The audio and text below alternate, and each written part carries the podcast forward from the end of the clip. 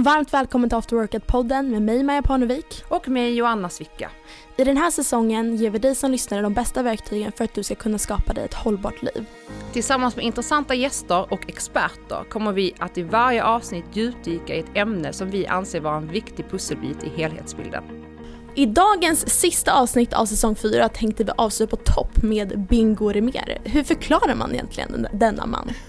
Entreprenör, fotograf, superfarsa med hela folket och driver relationspodden med sitt ex Katrin Zytomierska som är Sveriges galnaste polack näst efter mig då. En man som alltid är aktuell på ett eller annat sätt.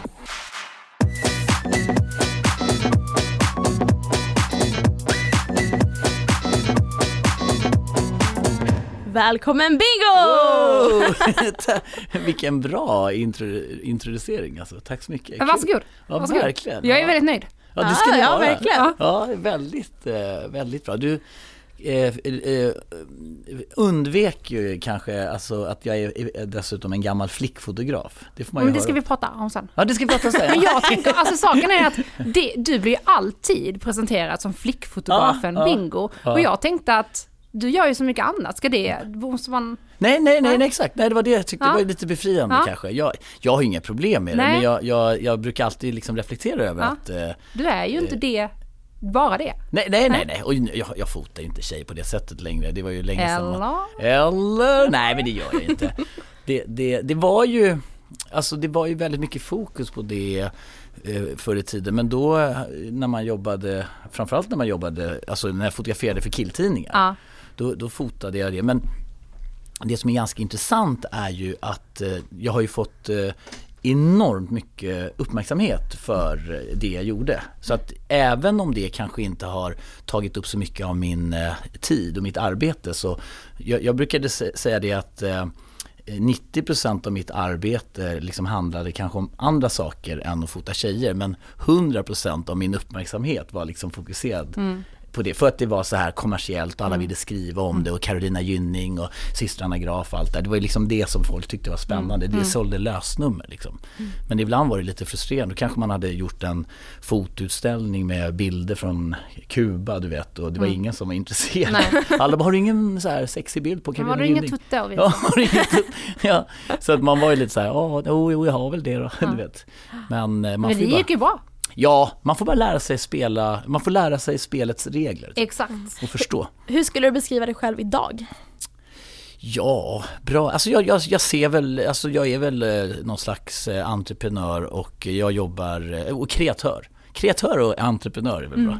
Kan man säga. Nej men det är ju just därför du får vara vår avslutande gäst av den här säsongen. För att ja. i säsong fyra, den vi håller på att spela in nu, det är där har vi bjudit in gäster runt ett tema som går ut på att vi vill bygga upp det här äh, hållbara livet. Den ja, hållbara det. karriären. Ja. Och jag tycker att du verkligen porträtterar det på ett väldigt bra sätt eftersom du får in det roliga och det praktiska och karriär i ett paket. Ja, det, ja, det, jo, det får jag nog. Alltså vi är ju, vi, vi är ju en, först och främst en träningspodd, men med ett, äh, ett hållbart aktivt liv så kommer allt annat. Och vi har ju liksom fokuserat på dig själv 2.0 den här säsongen.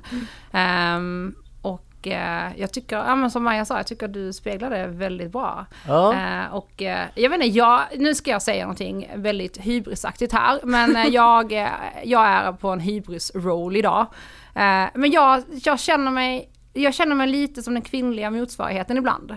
Ja, ja, För att du är du är, du är inte nischad på någonting, utan du är så här, det här är kul, det här vill jag göra. Men du har ju också ett djup och du är jävligt smart, men du, du behöver inte alltid, du, du, behöver inte göra massa saker bara för att påvisa det. Du behöver inte gå längst fram i ledet bara, hallå kolla på mig, jag är faktiskt smart också, utan du bara kör. Ja, men, ja, men och har jävligt roligt. Ja, och, och det, det, um, men det är nog väldigt mycket så. Jag, jag, jag, har alltid tyckt, alltså den stora drivkraften för mig har alltid varit att, eh, att ha roligt mm. och att man ska göra roliga saker, att man ska göra det man brinner för och, eh, och så. Va? Och det, det, det var ju eh, det var ju så när jag fotade tjejer också. Det var det som, folk kanske inte fattade, jag tyckte det var skitroligt. Mm. Eh, och det var det som var liksom själva eh, drivkraften. Sen när jag hittade andra fokuspunkter och så, och det, så, så har det liksom alltid varit eh, genom livet. De, de, riktigt stora utmaningarna tycker jag kommer ju när man eh, skaffar barn. Mm. För det, det, är ju det som tycker jag gör eh, eh, hela skillnaden. För då, då måste man ju ta ytterligare ett Eh, perspektiv. Liksom att, eh, ja, eller det, det är ju ett enormt ansvar mm. att ha de där barnen och det gör ju också att, eh, att det blir en extra utmaning så att säga.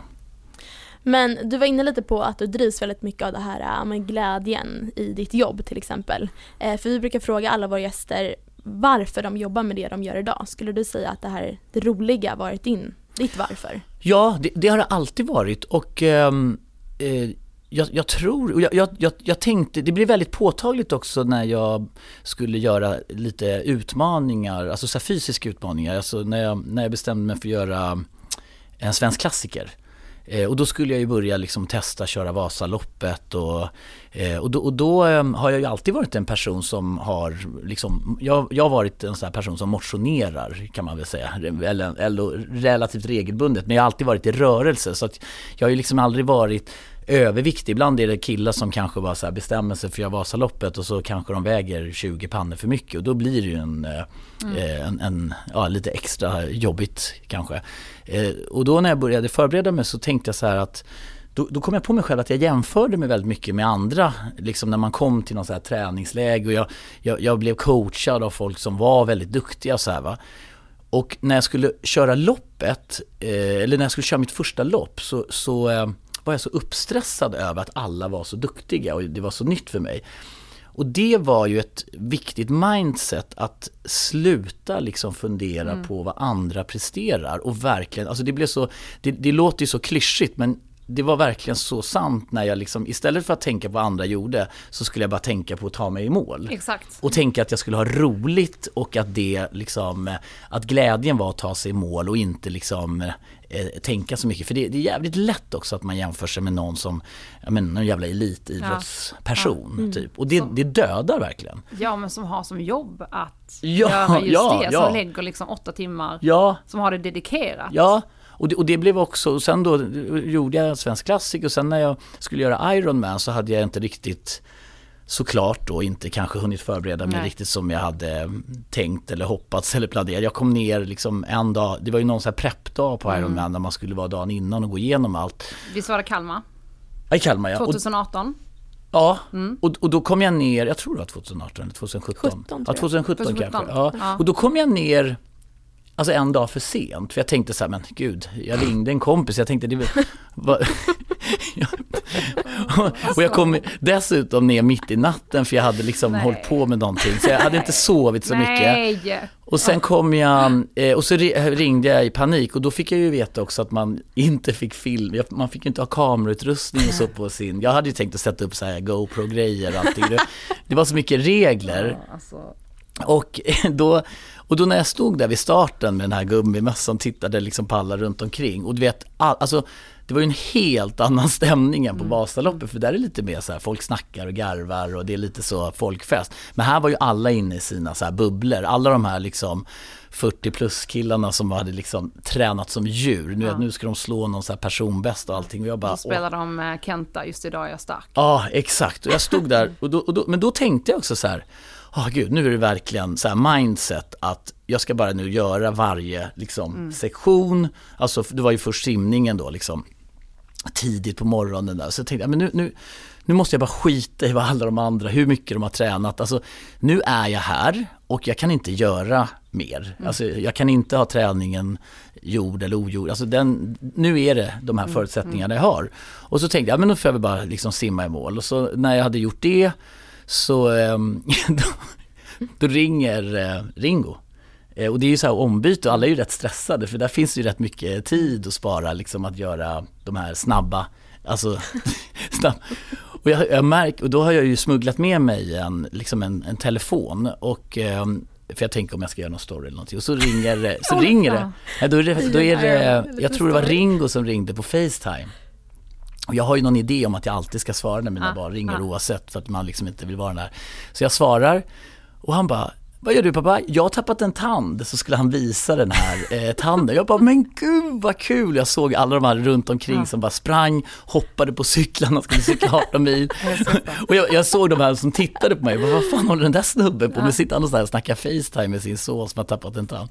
Men det, det var ju lite ehm, eh, roligt. Men då, men då var det också verkligen mm. det att jag, jag, jag gör det här nu på ja. mitt... Eh, på ditt sätt. Ja, på mitt sätt. Och att man hittar det och det, det, det, kan vara, alltså, det, ibland kan det vara eh, svårare än man tror att inte mm. liksom låta sig påverkas. Mm. Men, Men, det blir drivkraften då, att fan så länge det känns kul mm. så, så, tar man sig framåt. Mm. Liksom. Precis. Men jag är lite nyfiken på, vad var det som fick dig att så här, komma in på Ironman, Svenska klassikern? Ja, det, var, det var faktiskt lite en slump. Jag, hade, jag var uppe, jag tror det var lite som när du, du var väl också på något så här Salomonläger när ni fick provköra skidor eller någonting? Ja, men jag, exakt. Jag var med Utemagasinet. Jag har varit ja. med dem två år på så här längdskidscamp. Ja. ja. Och, det, och det, var, det var då, och då blev jag så här Eh, då, då, fick man testa. Jag, jag, har ju åkt mycket längdskidor som barn, eller under, alltså du vet man har ju familjen i Jämtland och sådär men man har ju aldrig liksom tänkt på Alltså Vasaloppet har ju varit någonting man har sett på TV och tänkt så här, gud vilka dårar som mm. kör det här Vasaloppet och det är häftigt att se den här starten och det är väl liksom 15 000 människor. Men då när jag fick eh, liksom prova riktiga skidor och fick lite coachning och så här. Och det var en sån skön känsla i kroppen, eh, alltså utifrån ett där träningsperspektiv. Mm. Och då sa jag på lite skämt eh, till den här eh, byrån då som hade Eh, alla de här prylarna. Att eh, man kanske skulle, nu när man liksom har tillgång till prylarna, kanske är dags att köra Vasaloppet. Och de bara, men vill du det så styr vi upp mm. allt åt dig. Så här. Och jag bara, men gud vad sjukt, ja men då gör jag det. Så mm. tänkte jag att, att, mm. jag att jag testar. Mm. Och då blev ju Vasaloppet, blev ju, då började man ju tänka, ja men svensk klassiker då, att man skulle göra Vätternrundan och Lidingöloppet och um, det här Vansbrosimningen då. Och då, då bestämde jag mig för att göra det. Och sen när jag hade gjort det så tänkte jag att, ja men då måste jag ju testa Ironman för då blev ju det liksom nästa utmaning. Och sen var det ju då det här Ö till Ö som jag gjorde också. Visst har du kört maraton också? Ja, maraton. Ja, men alla de, men de ser ju, ja det har jag gjort. Men ja. alltså maraton är ju, det är ju en maraton på Ironman också. Ja. Så det är ju, jag, jag, maraton tycker jag var tråkigt. Göteborgsvarvet var kul. För det är ju liksom en folkfest. Ja, exakt. Men maraton, fy vad det var bara, bara stampa runt där mm. på asfalten. Alltså det var inget kul alls. Alltså. Va? Det är helt sjukt Jag var åskådare nu, ja, men, Stockholm Marathon. Ja. Men det är ja, härligt att vara åskådare. Men ja. det är så sjukt. Jag, jag ska ju springa ett, alltså ett vanligt asfaltsmaraton i Paris nu i april. Eh, jag har ju bara sprungit eh, Ultra ja. eh, eller Ironman maraton. Jag har aldrig sprungit ett vanligt maraton utan det har alltid varit något extremt som öken, fjäll, fem eller sex mil eller en Ironman. Och nu är jag så här, jaha. Alltså det känns så här, Ja. Ska, ja, det känns ska nästan, jag bara hålla på i ja. tre och en halv timme? Ja, det känns bara som att man matar ja. liksom dra på sig skador. Ja, typ, exakt. Alltså att, eh, slitage, det känns som en enda, mm. det känns som att man har så här fina däck på bilen, man inte vill välja en annan väg ja. för det är slitigt. Ja. Liksom. Jag har också sprungit eh, fjällmaran mm. och det var ju otroligt. Ja. Och det, jag, jag tycker inte man upplever liksom utmaning, för då blir det en naturupplevelse, mm. man stannar, dricker mm. vatten i en mm. bäck och man liksom det är en folkfest. Ja men det är en folkfest mm. det är så jävla härligt liksom. Och sen distansen är väl ungefär mm. densamma som mm. en, mm. en vanlig maraton. Men då, alltså Stockholm Marathon måste ju verkligen på något sätt rycka upp sig känns det som. Alltså det mm. känns så mm. att de har liksom, det känns inte lika, jag, jag tror inte folk tycker är lika taggade på det längre. De Tyvärr. gjorde ju, jag sprang i halvmara nu i september och då har de förlagt den på Söder och det var väldigt bra. Ja. Det var, bara det var ett lyft. Ja. Att vi körde två varv runt Söder och att det var start på liksom Guldbron, Slussen. Ja. Det, men, eh, ja, det måste till något sånt. Ja. Alltså det blir så påtagligt mm. när man jämförde Göteborgs eh, varvet där och mm. eh, maraton. För det, det stod, det var ju, alltså folk stod och och det var så här, folk, instrument och ja, stod och spelade och salsa och man, alltså det var så här hur härlig stämning som helst. Mm. Liksom. Men om vi fortsätter lite på träningsspåret. Hur är din relation till träning idag? Alltså, är det, hur tränar du idag? Och jag vill prata lite om det här. För minns du när jag var hemma hos dig och vi tränade? Mm. Då pratade du om den här satsningen du ska göra för män. Ja, ja exakt. Ja. Ni, har ni kört igång den ja, nu? Ja, vi kör igång. Jag, eh, jag, jag, har testat den i lite olika former. Men eh, nu, nu, har jag, nu har jag gjort ett träningsprogram som faktiskt rullar i, mm. i 12 veckor. Eh, och, och, det är jätte, jättekul. Mm. Och det, nu är det väl, i första vändan så var det väl 120 killar mm. som signade upp och nu i den andra var det väl 80. Så att de, de jag, jag, tar det med en månadscykel mm. liksom och så får, kör man eh, 12 mm. veckor. Mm. Eh, och, och jag ehm, jag tänker ju lite utifrån mitt eget perspektiv. Mm. Alltså det, det, det är ganska okomplicerad, eh, liksom jag har gjort, jag har tagit fram övningar då där jag har fått hjälp av mm. tränare och coacher alltså som är duktiga. Och så har jag gjort kostprogram och sen så har jag lagt upp med periodiskt fasta och, och så här, och det, det är, eh, tanken är Alltså, för jag, jag, kan känna ibland att sådana här träningsprogram man, eh, man läser, att det, att det är för, det är liksom ja men ta, vad heter det, 16 weeks of hell. Liksom. Mm. Det, är så här, det är så överdrivet. Ja. Liksom. Så att jag har tagit fram ett program som är mer som en livsstil. Mm. Att man tänker så här, okej okay, hur fan ska jag få ihop livet med barn och hämta, lämna mm. företag och allt vad man har. Liksom. Och så, um, så, så det alla kan köra. Mm. Liksom. Mm. Och alla gör väldigt bra eh, resultat. Det är otroligt kul för jag, jag är ju liksom ingen träningsperson Nej. så utan jag tror att många väljer att göra det för att de kan identifiera mm. sig med mig. Mm. mm. Så jag vill hitta en egen nisch i det avseendet och sen har jag tänkt att jag ska liksom bygga upp en community. Communityn blir viktig också för att ja.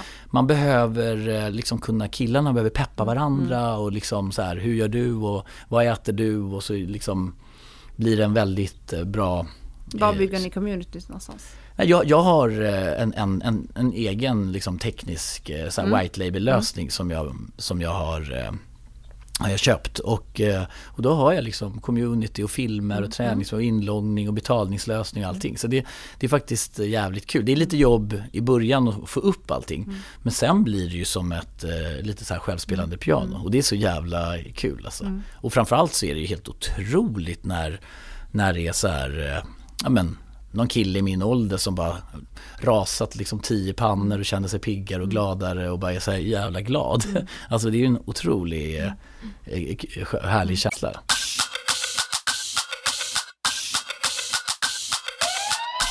Eh, berätta lite om eller periodisk fasta, du nämnde det. Ja, alltså jag, jag det, det, var faktiskt, det var Jonas Kolting som lite grann får man säga introducerade mig. För att han sa det, det var ju otroligt viktigt då inför Ironman då när jag frågade om lite råd. Att, eh, att vänja kroppen vid fysisk ansträngning utan liksom att ha mat eller liksom att, utan att äta. Och det där är ju, jag tror att generellt sett så är ju människor jävligt dåliga på det. För att så fort liksom, vi, vi tutar ju i oss från liten, alltså när vi är små att du vet, har du ätit en ordentlig frukost, har du käkat, åh ska du anstränga Så fort man ska liksom göra någonting så ska man trycka i sig. Alltså jag tappar, jag, har, jag lyssnar ju på relationspodden ja. när, när, du och Katrin säger, ah, nej men jag har glömt äta idag. Alltså för mig, det finns inte. Nej, att glömma äta, nej. nej och, det, och, det, och, jag, och, jag, och det, man är ju programmerad eh, på det sättet. Sen tror jag inte nödvändigtvis det ligger i vår natur att liksom ha tillgång till ett kylskåp och gå och småäta och käka en korv på Statoil och allt det där. Alltså det är inte så jag tror att vi nödvändigtvis är skapta. Men det är jävligt intressant hur liksom den här känslan man känner i skallen, alltså och då, då sa Colting så här, nu måste du bara liksom börja en dag i veckan så kör du 24 timmars fasta men du, du tränar och gör dina grejer precis som vanligt. Och den här känslan när man går till gymmet liksom första gången och ska verkligen köra ett hårt pass och inte ha ätit på ja, men kanske, inte vet jag, 20 timmar. Mm. Det är ju första gången är ju det helt, ja, det känns helt skevt alltså. Och det där är ju, ja, och det, och det, och det är så här, men, men det är otroligt eh, nyttigt för ens mindset. Så när man har gjort det, eh, jag, jag, skulle säga att det tar, det tog mig ungefär två veckor. Mm. Mm. Liksom, eh, för, för, sen började jag ju lägga upp den här periodiska fastan som, mer som en livsstil. Kör så, du alltså 12 Nej, jag, jag, kör för det mesta så kör jag nästan 18 till 20 timmar, mm. alltså måndag till fredag. Mm. Sen delar jag upp det lite för att det är också kroppen, liksom man måste ju lura kroppen lite grann för att om kroppen, till slut så räknar kroppen ut mm.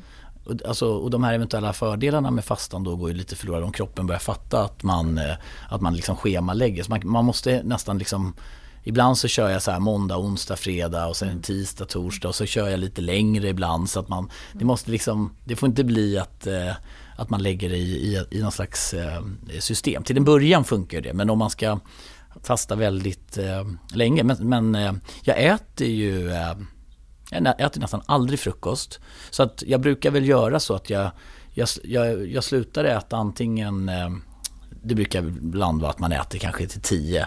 Alltså att man liksom slutar äta mm. tio på kvällen och sen kan man ju räkna 20 timmar mm. på det tills mm. man äter igen. Och då, då försöker jag dricka mycket vatten och jag dricker svart kaffe och så. Och sen är jag liksom superaktiv med allt. Mm. Och det är det som är så sjukt.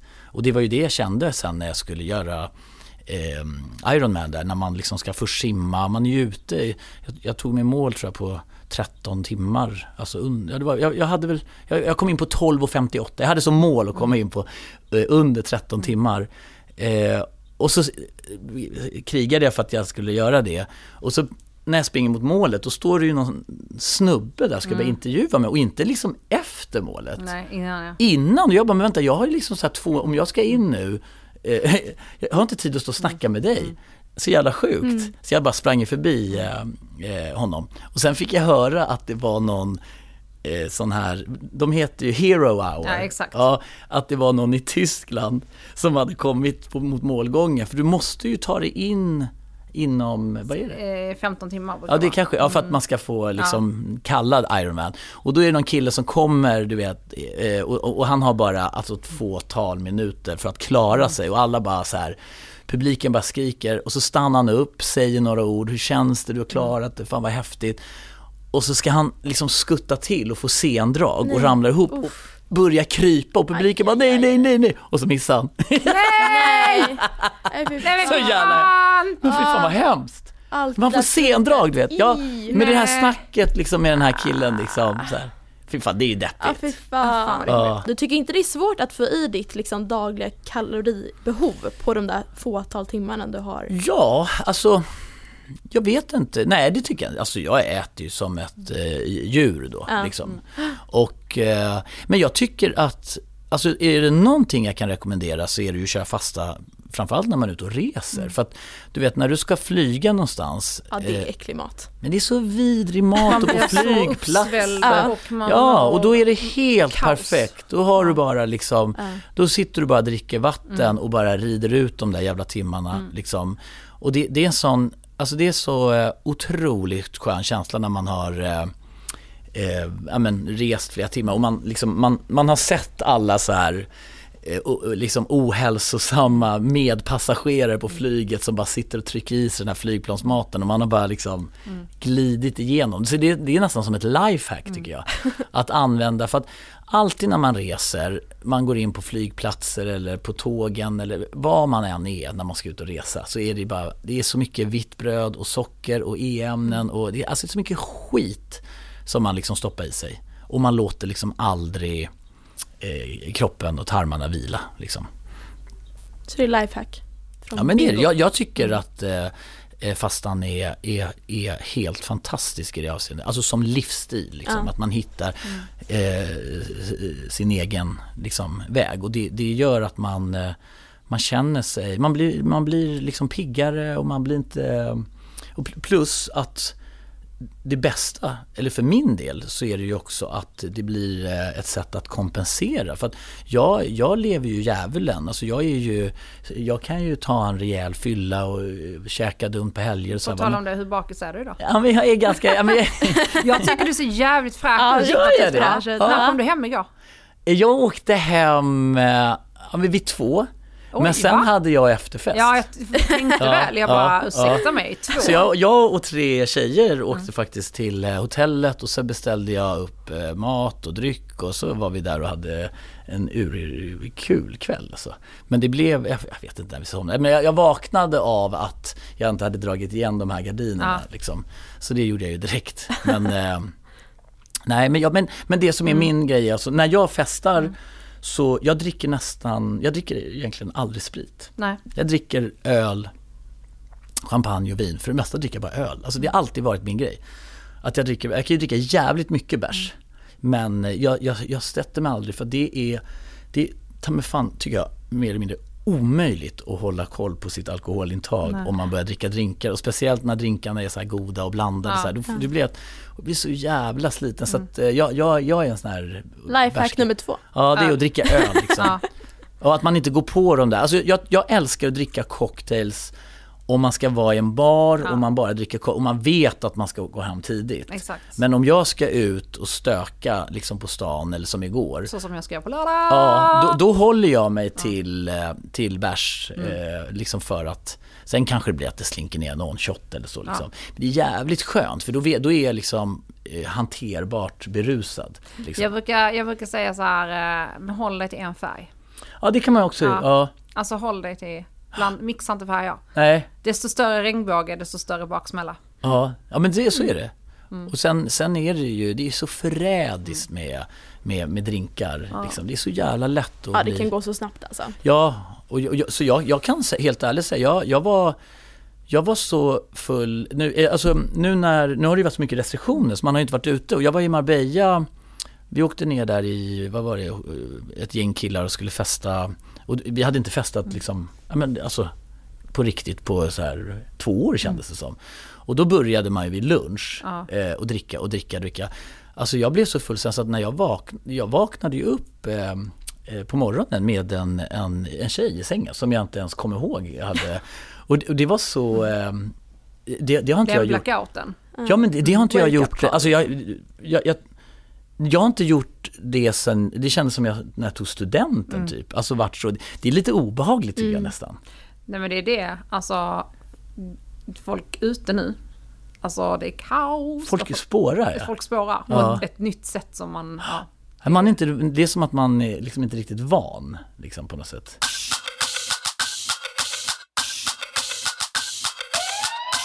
Du har ju varit väldigt öppen med att, så här, att du är så här, men jag, jag tycker, jag tycker om att vara, ta hand om min kropp, jag tycker om att träna, jag tycker om att vara ute i friska luften.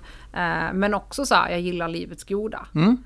Är det också ett, eh, ett framgångsrecept för dig? För att så här må bra och ha mm. kul, men också så här att ja, leva det livet gör? Ja, det tycker jag. Men mm. jag tycker nog att Eh, jag tycker det är så mm. viktigt. Och jag, jag tänker ju också att fastan, om man, om man fastar, säger vi måndag till fredag och sen så unnar sig saker på helgerna, då är det som att man, eh, man har ett tillgodohavande. Mm.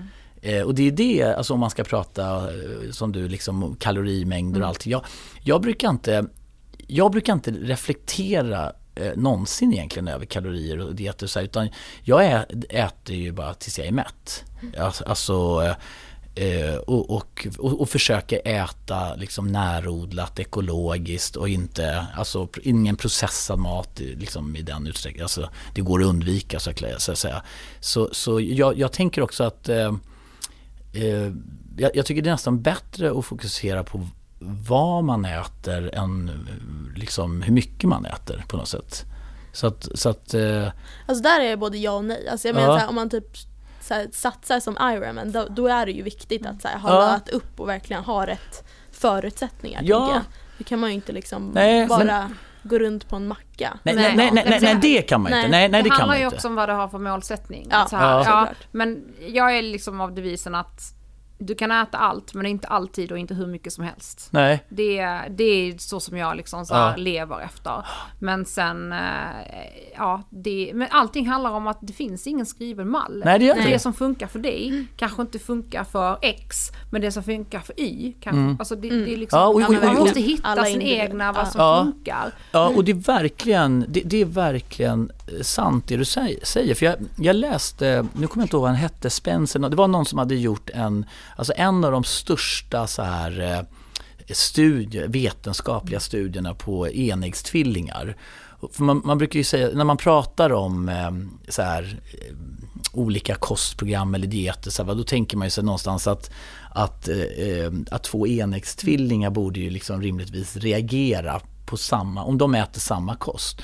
Men då hade man fastställt att det som tydligen är den stora saken det är ju vad du har för bakterieflora. Och bakteriefloran är ju så otroligt eh, individuell eftersom det, det går ju aldrig för när man, när, det, det, det, börjar redan vid förlossningen. När, när, barnet, eller liksom fostret kom, åker ut genom slidväggarna, då börjar liksom hela den här eh, liksom bakterie Eh, kulturen, eller vad man ska säga, i kroppen eh, byggas upp.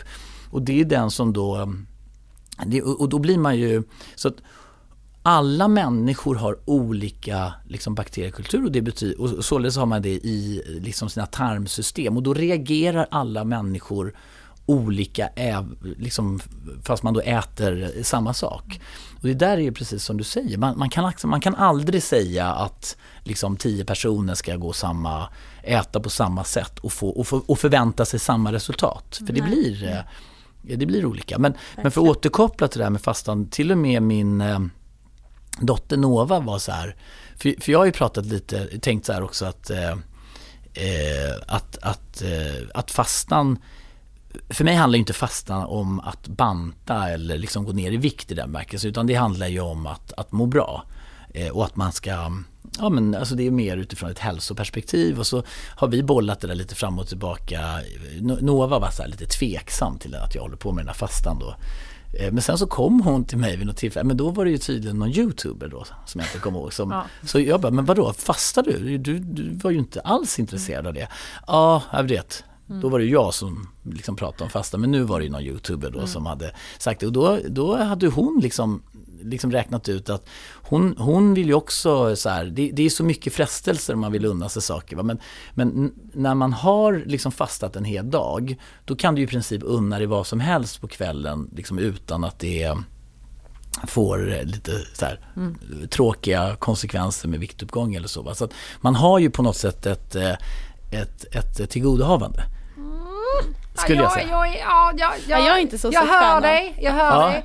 Men jag, jag tycker det är farligt med kompensationstänk och unna sig. Jag tycker att man ska kunna lära sig, att man ska kunna jobba med sig själv och lära sig att säga ja och nej. Och att man ska kunna veta vad så här, men jag kan äta det här men jag kan inte äta det här. Och att man ja. har ett konsekvenstänk. För det blir farligt också att börja så här plocka bort och, och liksom ja. mixtra om man inte riktigt vet har tillräcklig kunskap om det. Ja, och, och då säger jag så här att att om jag till exempel åker bort med mm. familjen mm. och vi är, bor på något så här lyxhotell, då vet ju jag att om jag käkar liksom eh, eh, eh, frukost, lunch och middag och inte hinner liksom motionera eller mm. träna.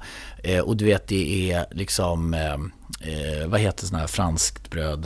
Croissant. Ja, croissant. croissant. Du vet det är bara liksom, alltså Nutella. det är uppdukat, ja men Nutella, ja. croissant, allting va då, då, vet ju jag att om jag är borta med familjen i tio dagar, liksom mm. ligger vid poolkanten och jäser, dricker, mm. drar första bärsen vid lunch och allting va. Då kommer jag komma hem med en sån jävla kalaskula mm. på min lilla smala kropp. Och utifrån det perspektivet mm. då skulle jag säga att det som är räddningen för mig då, att hålla mig slank, mm. det är att jag eh, fastar och sen kan jag unna mig mm. för att det är semester och allting. Mm. Alltså, I det avseendet så tycker jag att den här Eh, tanken mm. om kompensation fungerar. Sen tycker mm. jag ju självfallet att man ska, alltså jag undviker ju generellt sett eh, alltid socker. Mm. Eh, mm. Liksom. Men om jag sitter på en restaurang och då, jag, jag äter ju alltid en dessert mm. eller så. Mm. så att jag, jag, jag, säger inte emot men jag menar mm. bara att eh, ja, jag, om, om, man äter ja. liksom, äter man pannkakor med sylt liksom till frukost och sen mm. dricker några bärs till lunchen och eh, mm. kör en dessert på kvällen. Ja då, då blir ju den här totala liksom det blir ju inte bra. Nej, det blir Då inte kan bra. man istället tänka så här, nej men vet du vad, vad vill jag, vad vill jag mest av allt ha? Nej men jag vill ha de här pannkakorna med sylt. Då får det bli det idag. Men ja. då, får jag, då blir det ingen öl och Nej, då blir det ingen efterrätt. Nej, exakt så. För att man kan inte få allt ja. i livet. Och det, och det mm. är lite, tycker jag, fastan går ut mm. på. Mm. Att man... men, men jag är lite nyfiken. Eh, du sa att Nova var lite skeptisk mm. till fastan. Hur, hur gör ni med liksom övriga barnen som är lite mindre? Kör ni liksom frukost, lunch och middag? Ja men de, de, jag vet inte, alltså de käkar ju frukost men jag har ju gått ifrån att varit, alltså eh, jag är inte lika eh, så att säga hysterisk när, om man missar mål eller att barn inte har ätit. Mm. Alltså jag tror inte det här med att, att gå och vara lite hungrig ser inte jag som en eh, eh, som en fara och nej, färd. Nej. Alltså jag tycker inte det är så här, okej okay, man är lite hungrig. Mm. Alltså tänk människor som liksom inte har tillgång mm. till mat hela tiden. Det är inte så här, det är som att vi har gjort, vi har en association till att vara hungrig som någonting så här ja. i det här samhället för att vi blir matade. Liksom så här, det, det är liksom annonskampanjer överallt. Så här, är du, ta en bar om du är hungrig, ta en, liksom en risofrutti eller du vet, mm. det, det, ska vara mellanmål och man ska mm. hela tiden liksom trycka in sig. Jag har ju börjat eh, att tänka liksom att att när jag fastar och är hungrig så har jag ju helt och hållet förändrat min, mitt, mitt synsätt på hunger som, för att när man var yngre då var det så här man trodde att musklerna skulle förtvina. Mm. Typ. Man tänkte så här, men gud jag måste äta någonting annars de små muskler jag har de kommer liksom gå upp i rök nu när jag är hungrig.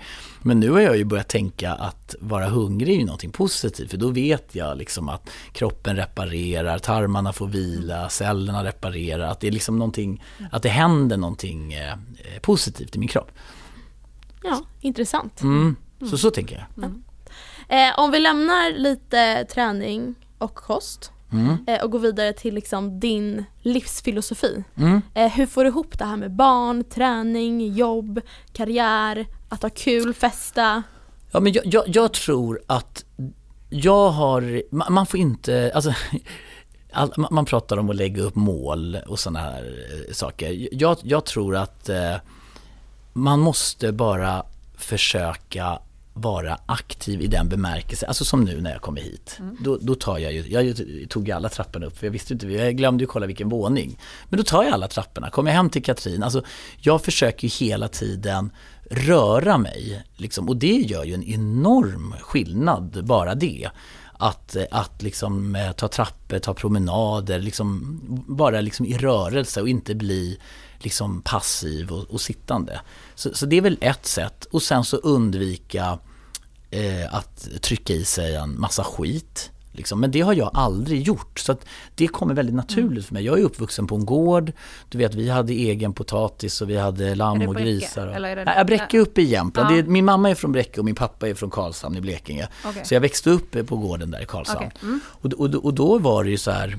För mig var ju, var det ju, är det ju väldigt naturligt att äta liksom eh, närodlat mm. och egen potatis och man hade liksom lammkött och vi jagade och det var ägg, man gick och hämtade ägg. Ja, så ja, då har man det. Jag är uppvuxen på röd, ja. röd mjölk, ägg, ja, röd, ja. kött, ja. potatis, alltså husman. Vi ja, födde upp lamm. Ja. Alltså, ja, det är gott. Ja, ja det är det. Och det, och det, och det kommer, och det, sen kan man ju se andra personer som kanske har haft väldigt mycket du vet, druckit läsk till maten och haft osunda vanor och allting. Va? Så det, det, tror jag det är väl en aspekt. Sen så tycker inte jag att man ska, eh, man ska inte sätta orimliga krav på sig själv. För det misstaget man gör det är att man, man tittar på liksom kanske dig eller dig och, och ser hur ni gör och så är man så här, alltså jag kommer inte liksom hinna Eh, liksom göra de här loppen ni gör. Utan jag får ju liksom nöja mig någonstans och hitta en rörelse i vardagen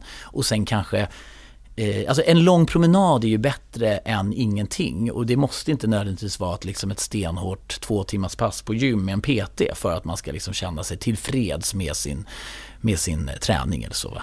Så det är, väl, det, är väl det jag tänker är en liksom fungerande livsstil, att man inte är för, att man inte sätter orimliga mm mål och krav. Mm. För jag tror att det blir, då blir så jävla lätt att man så här, skjuter undan den. Liksom. Mm. Det är ju, då, då, är det bättre att man gör liksom eh, tio armhävningar framför framför Idol än, än ingenting alls. Ja men exakt, sätt, liksom. verkligen. Eh, någonting som vi var inne på i början, du var ju känd förut för att vara flickfotograf. Mm. Men någonting som, eller anledningen till varför jag känner igen dig, det är ju för den här konstellationen med Katrin, Alex och mm. dig. Hur ni liksom har fått ihop den här moderna mm. familjekonstellationen. Berätta lite mer om det, alltså varför är det det vinnande och också konceptet? Erika. Ja, Erika, ja, ja, ja mamma Erika, ja, ja, exakt. Ja, Erika var på plats igår och Ludde och hela gänget. Men det var, nej men det, det, vi, vi pratar ju mycket om det och vi får mycket frågor om det. Och det, det som är, ehm, eh, det som kan vara, utifrån vårt perspektiv, alltså min och Katrins och allting, så, eller framförallt för mig och Katrin, så är det ju ingenting eh, är ju inte vi de som är eh, udda, så att säga. Vi tycker ju att vi har ett sunt förhållningssätt, att vi är måna om våra barn, att vi värnar om familjekonstellationen, att eh, vi värnar om umgänget och allting. Så vi tycker ju att andra människor är skeva. För att, så att det kommer ju väldigt naturligt för oss att mm. så här, okej okay, vi går skilda vägar, hur gör vi det här bra för barnen? Och det, det, kommer så, det är så naturligt och självklart för oss att vi reflekterar inte över det den gången det blir lite påtagligt, det var, det var verkligen så nu när vi, när vi var i Colombia och kom till tullen eh, i Miami. Och så kommer vi då, jag, Katrin, Alex och Ringo, Rambo och Falke och jag går och bara är Falke så här. Så bara kom vi fram till eh, han den här tullkillen då för då det är så otroligt dumt att man i USA måste liksom, man måste söka ESTA och gå in i landet och sen, för att sen, vi skulle ju bara flyga vidare till Colombia. Mm. Och jag, jag, jag, tycker helt, jag vet inte vad det där handlar om men det är ju så absurt att man ska behöva liksom gå in, in tulla in sig. Ja, stå i den där ja. långa, långa kön. Och sen dra igen. Ja, och så ska man, bara... ja, helt idioti liksom. Ja. Och de är helt oresonliga. Och så blir man ju alltid så lite mm. uppstressad mm. för man vet att de här tulltjänstemännen som sitter där, mm. de kan ju bara sätta en stämpel, alltså om de tycker mm. att det är någonting, du är portad, mm. man bara okej. Okay. Mm. Så att man är, och då kommer vi fram och han bara, upp, upp, upp, upp, en familj i taget, en familj i taget. Och, bara, vi och, vi bara, ja, och, det, och då blir det så här helt, vi bara, vadå, en familj? Alltså vadå är ni en familj? Jag bara, ja och så bara yes, eh, Katrin, bara yes I'm the mother of uh, the kids and uh, he's the father of the kids on his, uh, ja I'm the ex-man of, så ska vi stå där och förklara. Och då blir det ju väldigt sådär liksom, eh, då, då inser vi hur kanske andra ser på oss. Liksom. Men då, då, då, tittar de ju på Katrin och så, ja. de bara, fy fan vilken jävla dröm. Ja, ja. ja. ja det var samma sak när vi hade barnflicka i, eh, eh när vi bodde tre månader i Thailand där på eh, Koh Och vi hade någon så här muslimsk eh, gullig mm.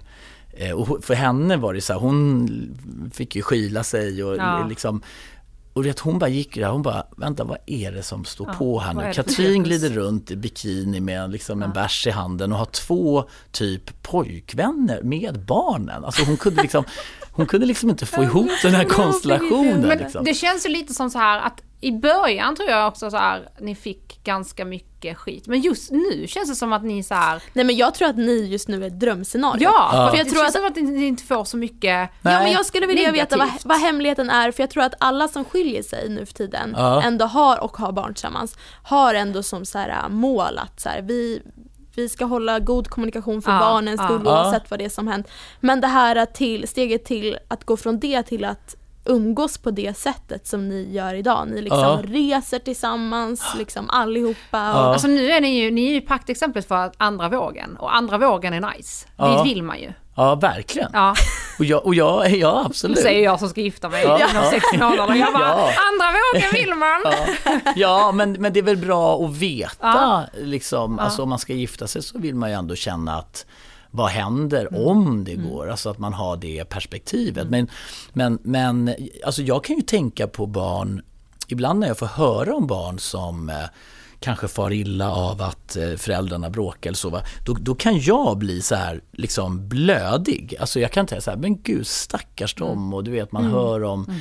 om, om liksom föräldrar som bara så här skyfflar problem och så mot varandra. Och jag, jag, för mig är det så här, bara tanken på att liksom Ringo eller Rambo eller Falk eller Nova skulle vara ledsen eller nedstämd för att jag och Katrin eller Erika eller Alex eller inte, för inte vi kan liksom bete oss. Mm. Det, det, den tanken, det, det, är för mig helt otänkbart att mm. de ska eh, bli lidande. Och jag, jag, jag tycker det är lite, alltså jag kan ju förstå människor som antingen om det har varit en extremt, liksom, alltså inte vet jag om det är någon som kanske har blivit psykiskt misshandlad eller fysiskt misshandlad eller varit ett riktigt jävla ärkesvin. Mm. men det är klart att det är en jävla utmaning att sitta liksom och fira kalas mm. med den personen bara för att man har barn ihop. Det är väl klart att jag, jag kan verkligen mm. fatta mm. att det är, är sådana eh, utmaningar. Men, men generellt så tror jag att man, man måste verkligen så här, liksom, man måste verkligen lägga sitt eget eventuella ego åt sidan och bara tänka så här utifrån barnen. Och är man arg eller besviken eller förbannad, ja men gå till en psykolog ja. eller ta det runt hörnet liksom. Ta inte ut din aggression och din negativitet inför barnen.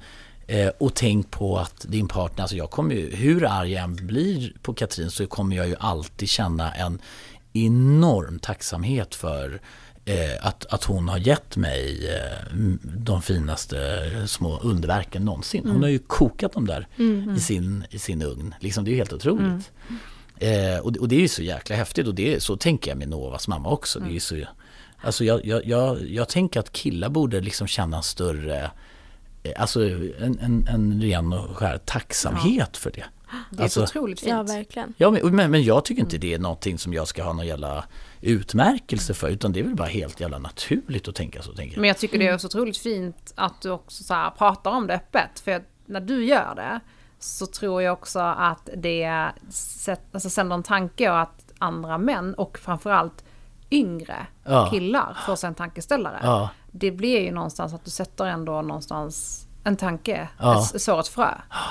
Um. Ja exakt, och, det, och jag, jag tänker också jag tänker väldigt mycket på hur man vill, du vet när man har söner också, hur man vill att de ska förhålla sig till eh, eh tjejer i mm. framtiden. Mm. Liksom att, att det är ju, det är, jag, jag, tror det är jätteviktigt att lägga upp en grund. Och det, jag är ju uppvuxen med tre systrar och jag tror att, att det har ju, att jag har växt upp med tre syrror har gjort att jag, det, det har, tror jag, skapat bättre förutsättningar eh, för mig än kanske för en kille som, mm. som inte har eh, jag vet inte, alltså syrror. Mm, det, mm, det, är en mm. jävla fördel att ha syrror. Mm. Eh, att, att, att, och, och jag, jag, tror verkligen det. Och jag, jag, vill verkligen att, att våra killar ska bli liksom så här superkillar. Mm. På den punkten också. Såklart. Mm.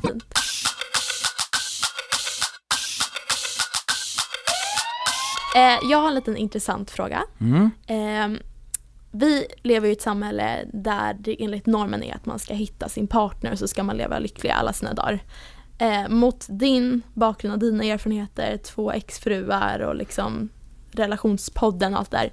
Tror du på att man kan hitta evig kärlek? Ja, alltså jag skulle säga att jag tror att man måste på något sätt omvärdera den här, alltså det här ramverket för innebörden av att, att eh, hitta den här personen. Och jag, jag, tror liksom att det vi måste tänka är att vi har en ganska förlegad, liksom, förlegat synsätt på liksom hela eh, äktenskapet. Alltså det är ju en så här, det är något så här påfund i bondesamhället när grannfru, liksom grannen man gick över och gifte sig för att gårdarna skulle slås ihop eller, och evigt. Och det, det fanns ju inte liksom, det fanns ju inte nödvändigtvis ett utbud på, på partner. Så jag, jag, tror att man måste, jag tror att det handlar om att hitta rätt person och sen hitta en större förståelse för ens eventuella individuella behov och att man kan liksom, kanske leva i en förhållande men ändå värna om sitt.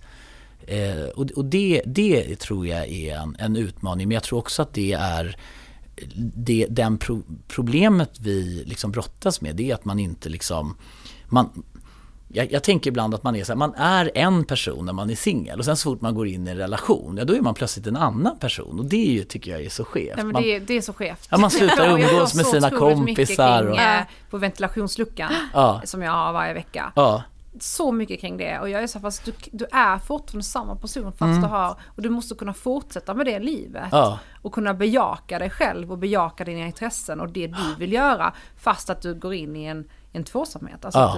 du, det, annars går det inte, annars kommer man sakta men säkert ta död på förhållandet. Mm. Jag tror det är super, jag tror det är superviktigt. Och sen att man får hitta, att man, att man när man kommunicerar med varandra så måste man också vara 100% ärlig med mm. vad, man, vad man vill och vad man har för behov och allting så att man tillgodoser sina liksom, personliga behov och sen kan mötas i den här eh, i den här. Och, jag, och när jag ser till mig och Katrin till exempel så är ju vi vi är som yin och yang, alltså vi är alltså Alltså vi är så olika så att det är helt absurt. Men det var ju någonting, alltså det var ju Novas mamma Erika som tyckte, jag hade ju varit lite och varit ute, jag hade bott i LA och varit i Hongkong och Bangkok och flaxat runt och så hade jag en amerikansk så här long distance relationship och det var väl det var inte helt okomplicerat. Vi hängde ju över ett år liksom, Carrie och jag. Men, men det, det var, det, ibland kunde jag stå på krogen typ och så stod jag och snackade med någon tjej och den här tjejen bara så här, men du, har inte du tjej? Och jag bara, åh gud det har jag ju. Alltså jag kunde mm. typ det var nästan så här, alltså, mm. att ha långdistansförhållande kan ju vara det, det, kan vara väldigt enkelt för man tär ju inte på varandra. Nej. Men då sa Novas mamma Erika att eh, tyckte hon så här, men Katrin som var, de var ju väldigt mm. bra kompisar. Så hon föreslog att vi skulle gå på dejt för att vi var så olika mm. och det kunde vara kul. Och det var ju jävligt kul. Och det var ju jävligt kul med Katrin för att hon var ju väldigt olik tjejer som jag kanske hade mm. dejtat förut. Så här. Och eh, det var ju en, den dynamiken var ju jättespännande men det som hände var ju att det gick ju väldigt fort för att vi hängde liksom i sex månader och sen var hon gravid. Mm. Alltså sex månader, hur, hur, länge har du hängt med din kille? Uh, Ett år måste det vara eller? Två, år. Två år ja. Snart två år. Ja, men alltså ja. tänk dig att du skulle vara gravid efter sex månader. Nej det hade inte gått. Nej det hade inte gått, men, nej, men fatta, nej, men när man tänker sex månader, det är ju ingenting. Nej, är och, för, och Katrin var ju så här, hon ville ju ha barn, så hon bara japp, jag är gravid, ja. fan vad kul. Ja. Och jag bara, och jag bara, men jag trodde du käkade minipiller. Ja, inte vet jag, det är väl något fel på dem. Alltså det var så här, ja. så det var ju inte planerat och jag var ju, jag var ju inte främmande eh, jag, jag var ju inte främmande för att skaffa barn, men jag visste ju inte riktigt vad det var för galning jag skaffade barn med. Eh, så, så, det gjorde ju att eh, eh, relationen tog ju en helt annan ja. vändning. Plötsligt gick man ju in och var liksom dunderseriös. Och det, det vi kommer fram till är att vi var ju då två helt olika personer som kanske inte nödvändigtvis var en perfect match. Men, men eh, eh, det var ju kanske inte riktigt meningen. Jag tror att många hamnar ju kanske, mm. du vet, man dejtar någon, man tummar lite på. Så jag tror att det är oerhört viktigt när du väljer din livspartner att du verkligen liksom känner att det här är en person. För det är lätt att vara ihop med någon när det är medvind och glada ja. tider. Men det är när det kommer utmaningar. Alltså jag kan ju säga så här, Katrin och jag, våra första sex månader när vi bara reste runt och var och festade på, liksom, i Las Vegas mm. och åkte ner till Paris och Frankrike, alltså bara hade så här kul, kul, ja. kul. Tills att vi plötsligt liksom ingick eh, i, liksom, alltså med gravid, graviditeten och alltså alla de utmaningarna. Det är ju det som är liksom hela skillnaden. Och mm. då gäller det ju verkligen att man har hittat eh, sin rätta liksom. Mm. Tre supersnabba nu som vi avslutar med, ja. klockan springer iväg. Mm. Julia Fransén, är ni ja. ihop? Ja, eh, ja. Snabbt nu, snabba Jaha, alltså... Eh, men jag, jag, kan inte riktigt svara eh, ja eller nej, men vi, vi, eh, vi umgås och vi har ju jävligt kul. Ja. ja och jag hoppas att vi eh, liksom eh, Ja, det är så, det är, det är lite nytt så tillvida att vi, vi träffades ju och sen eh, Eh, tog det slut och sen nu har vi på något sätt Hittat tillbaka. Ja, hittat tillbaka. Ja, men det ja. känns väldigt kul. Ja, roligt. Ni dejtar? Ja det kan man säga. Ja, ja. det gör vi 100%. Ja, men det blir så konstigt eftersom vi har dejtat förut. Ja, så är det som Men ni har börjat ses igen. Ni dejtar igen. Ja, ja men, ja, men Det, det som blir lite så här komiskt, vet, för när man börjar dejta så är allting lite mm. så här, nu är det så här, ja nu vet man ju vad den andra gillar för mat och allting. Så det blir som att man, man har liksom varit på en, eh, alltså man har redan eh, ni vill köra lite rollspel? Ja men, ja, men det har vi gjort också. Ja, ja, ja, det är kul, kul. Eh, fråga nummer två. Vi brukar avsluta med att vår gäst får ge en utmaning till våra lyssnare. Ja. Har du någon sån på lager? Eh, nej men alltså jag tycker man ska testa eh, periodiskt fasta. Okay. Alltså jag tycker att man ska göra 16 timmar. Jag tycker att man bestämmer sig för att eh, på söndag så ehm, eh, äter man sitt sista mål mat. Man äter inte efter 20.00 och sen så äter man ingen frukost och så äter man lunch klockan 12 och då har man fått ihop 16 timmar tror jag. Mm. Är du sugen? Eh, jag har ju kört periodisk fasta i två år, alltså förr. Ja, ja, Så jag är väl inne. Lingains, ja. alltså okay, det är, okay, så jag har för länge sedan innan Colting gjorde det trendigt. Ja. ja. Men det, och jag tycker det, det, det, det är en ganska, och jag, jag tycker det är um, spännande att liksom uh, testa och då försöker man bara så här gå till jobbet utan att äta frukost och bara känner på den och möter den mm. känslan. Man kan nog bygga upp ett rejält pannben med hjälp av det, tror jag. Verkligen, det är en jättebra början. Jag tror typ att det... Det var så jag tog igen mig Robinson. Ja, ja det, ja, det, ja. det är fattat. Ja, men sista frågan, eh, vart hittar man dig om man är sugen på se mer av dig? Ja, ja. Den, frågan, den frågan är rätt överflödig, de ja. finns överallt. Ja, ja, men jag är nog lite överallt. Men jag är nog mest aktiv på Instagram tror jag. Ja. Bingo mer heter det där. Så det är väl där ett tag, man var ju lite överallt ibland, men man, det tar sån tid att ja, hålla på och uppdatera. Ja. Alltså det är det, jag är inte så väldigt, eh, alltså det, det fattar man, att om man ska vara så här youtuber eller influencer, ja. så här, då kan man inte göra någonting annat. Nej. För det är det enda man ska göra. Ja. det är ett jävla jobb mm. med det där uppdaterandet. Alltså. Jag har en sista fråga. Mm? Det blir en bonusfråga. Mm. Mm. Eh, har du något riktigt, riktigt spännande eller roligt som du ska göra nu i närtid?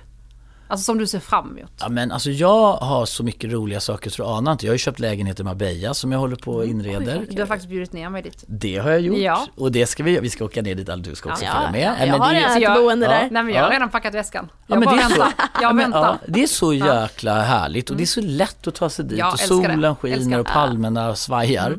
Eh, Sen håller jag på med ett spännande, jag är involverad i ett fastighetsprojekt uppe i Jämtland. Det, Ja. det pratade jag med dig om. Exakt, vad Ja. var det för typ ett år sedan? Nej, Ja men alltså jag har hållit på med det i snart två år. Ja, för du Eh, pratade och ja. Ja, tillsammans med eh, Bräcke kommun. Mm. Och det är ju i anslutning till den här skidtunneln eh, i Gälloberget. Mm. Och då håller vi på eh, och utvecklar eh, en, vi ska bygga som någon slags resort, att Mm, man ska då ha ett, hitta ett prisvärt boende så att man ska kunna ta del av, av eh, naturen och alla möjligheter. För det finns ju så mycket härligt där och det är helt och hållet, alltså 100% oexploaterat. Verkligen så kommer dit. Ja, det är det. Och, det. och det är väldigt, vet du tar dig dit med tåget så här, eh, alltså strax under fyra timmar upp till Bräcke. Och så, ehm, eh, så, så det, och jag, jag brinner ju mycket för det, för jag har ju mina rötter där på mammas sida och min mamma bor där och så. Så det, jag, jag tycker det ska bli så kul att jobba med det eh, Eh, projektet. Och förhoppningen är ju att skapa liksom något konceptuellt så att man kanske, mm, alltså att, att, eh, att de som kommer dit är liksom införstådda med någon slags värdegrund när det kommer till träning, hälsa och kost och allting. Att man ska liksom känna att det är en plats man vill vara på liksom. Och det ska bli Magiskt. skitkul. Ja, det känns jättekul. Och då, det, vi ska ju prata mer om det, men jag kände, jag, du vet man börjar ju lite fel ände ibland. Det här liksom kreativa och paketeringen. Det, det är ju rätt mycket som ska traskas igenom med bygglov och strandskydd ja. och Naturvårdsverket. Alltså vet, jag har ju suttit med så mycket papper så att eh, det är inte klokt. Men det är väldigt, väldigt spännande. Ja. Nej, tusen tack Ja. Bingo för att du ville gästa Ja, After det var jättekul att vara här Ja, alltså. alltså verkligen. Tusen Ja. tack. Och, Ja. Ja, det är så roligt. Ja. Det, jag är så jävla, jag är fortfarande, jag har sån fomo att jag missade showen igår. Men Ja. eh, jag, Det ska du ha. med min tandvärk dödade Ja. mig. Den var riktigt bra. Ja, kul! Ja, Det var kul för er, vad roligt. Ja. Ja, kul. Nej, men eh, då tänker jag att vi bryter här. Men det vi måste säga är att det här är sista avsnittet för säsong eh, fyra. Ja. Och vi vet ju inte om, om eller när det Nej. blir en säsong. Nej, sen. Nej. vi får se. Vi får se lite av dina planer Ja. och hur du med New York. Ja, jag och... kan ju komma med ett råd. Ja. För jag tänker ibland att, så här brukar jag tänka, att en podcast är en ljudfil. En podcast, vi har ju en, ehm, en etablerad bild av vad en podcast är och det är ju väldigt mycket på grund av Filip och Fredrik för de var ju lite pionjärer, de började podda och då fick alla en bild av att en podcast det är två spektakulära personer som sitter och munhuggs i en timme. Så det är så man tänker, vad är en podcast? Jo det är Alex och Sigge, är Filip och Fredrik, relationspodden och så här va. Men om ni istället eh, tänker att det här är en ljudfil som ni kan göra i princip vad ni vill med. Då, och för att ni inte ska fastna i det här att ni ska ha utgivningstider så tycker jag att ni möjligtvis ska kanske göra saker på teman. Alltså ni behöver, en podcast behöver inte komma ut en gång i veckan på en speciell tidpunkt på, i ett speciellt format. Utan jag tänker istället för att ni ska anpassa er efter podden så kan podden anpassa sig efter er. Oj, vilken cliffhanger. Mm. Den Okej. som väntar får se. Ja, då får vi se vad som händer. Mm. Puss och kram hörni. Hej då! Hej då! Bye.